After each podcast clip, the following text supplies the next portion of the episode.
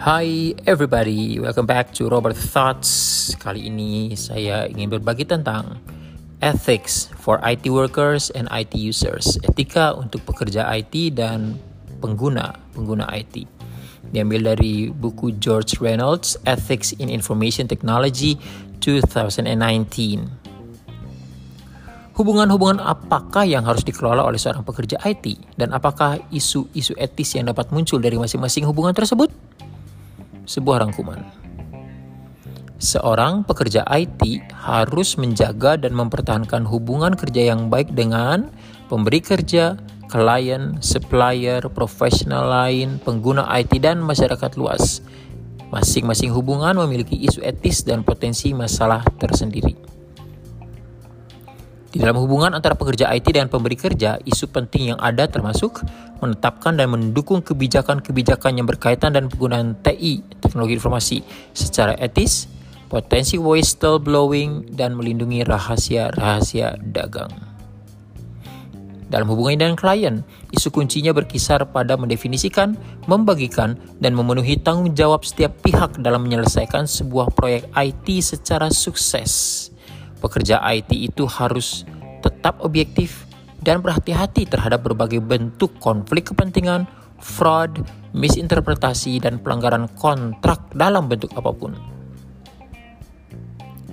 Tujuan utama dalam hubungan pekerja IT dengan supplier adalah untuk mengembangkan hubungan kerja yang baik di mana tidak ada tindakan apa pun yang dapat dianggap sebagai tindakan tidak etis. Ya, uh, tidak ada saling menyakiti. Next, bribery atau suap. Suap adalah tindakan penyediaan uang, properti atau bantuan bagi seseorang di dalam bisnis atau pemerintahan untuk mendapatkan keuntungan bisnis atau keuntungan pribadi pelaku bribery tersebut.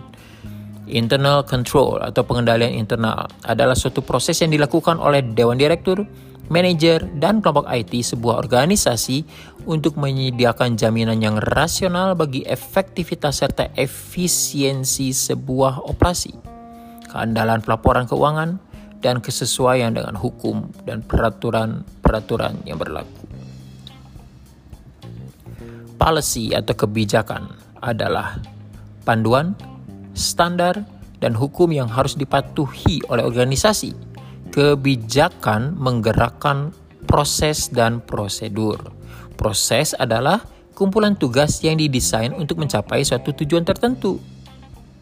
Sedangkan sebuah prosedur mendefinisikan instruksi-instruksi yang pasti untuk penyelesaian setiap tugas dalam suatu proses.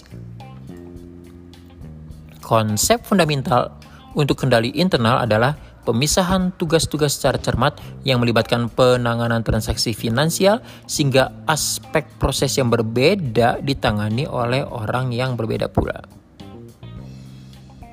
Dalam hubungannya dengan profesional lain, yang menjadi prioritas adalah mengembangkan profesi melalui aktivitas-aktivitas seperti pendampingan bagi rekan kerja yang belum berpengalaman, menunjukkan loyalitas profesional dan menghindari resume inflation.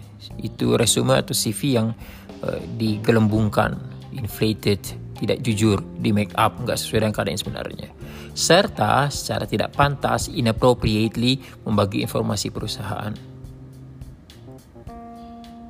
Dalam hubungannya dengan pengguna IT, isu pentingnya berkaitan dengan pembajakan perangkat lunak penyalahgunaan sumber daya teknologi informasi, dan pembagian informasi yang tidak pantas atau tidak boleh dibagikan. Berkaitan dengan hubungannya dengan masyarakat luas, tantangan utama bagi pekerja IT adalah melakukan profesinya dengan baik. Dalam arti, tidak membahayakan masyarakat, serta menyediakan atau memberikan kepada masyarakat manfaat yang signifikan berarti. I guess that's it the summary of this very part. Thank you for listening. Stay healthy, stay safe, and the most important thing is stay happy. Goodbye, everyone.